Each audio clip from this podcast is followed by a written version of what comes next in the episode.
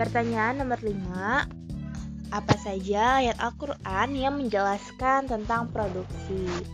Jadi, ada beberapa ayat Al-Quran yang membahas tentang faktor produksi.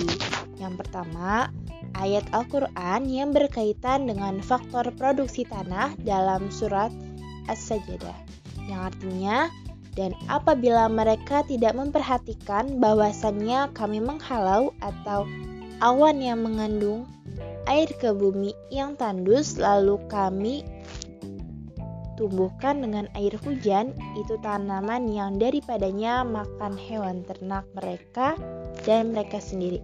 Maka apakah mereka tidak memperhatikan? Nah, lalu ayat yang berkaitan dengan faktor produksi tentang tenaga kerja dalam surat Hud ayat 61.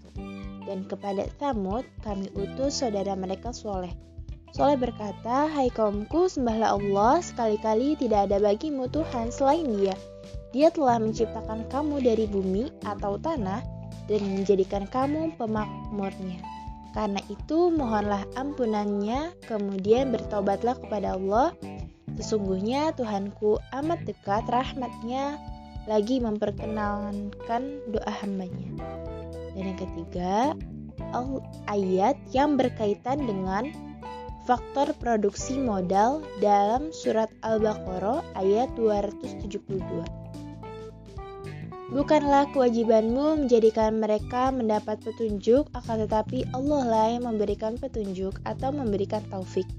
Siapa yang dikehendakinya dan apa saja harta yang baik yang kamu nafkahkan di jalan Allah, maka pahalanya itu untuk kamu sendiri. Dan janganlah kamu membelanjakan sesuatu melainkan karena mencari keridhaan Allah. Dan apa saja harta yang baik yang kamu nafkahkan niscaya kamu akan diberi pahalanya dengan cukup sedang. Kamu sedikit pun tidak akan dianiaya atau dirugikan. Nah itu beberapa ayat Al-Quran yang membahas tentang faktor produksi.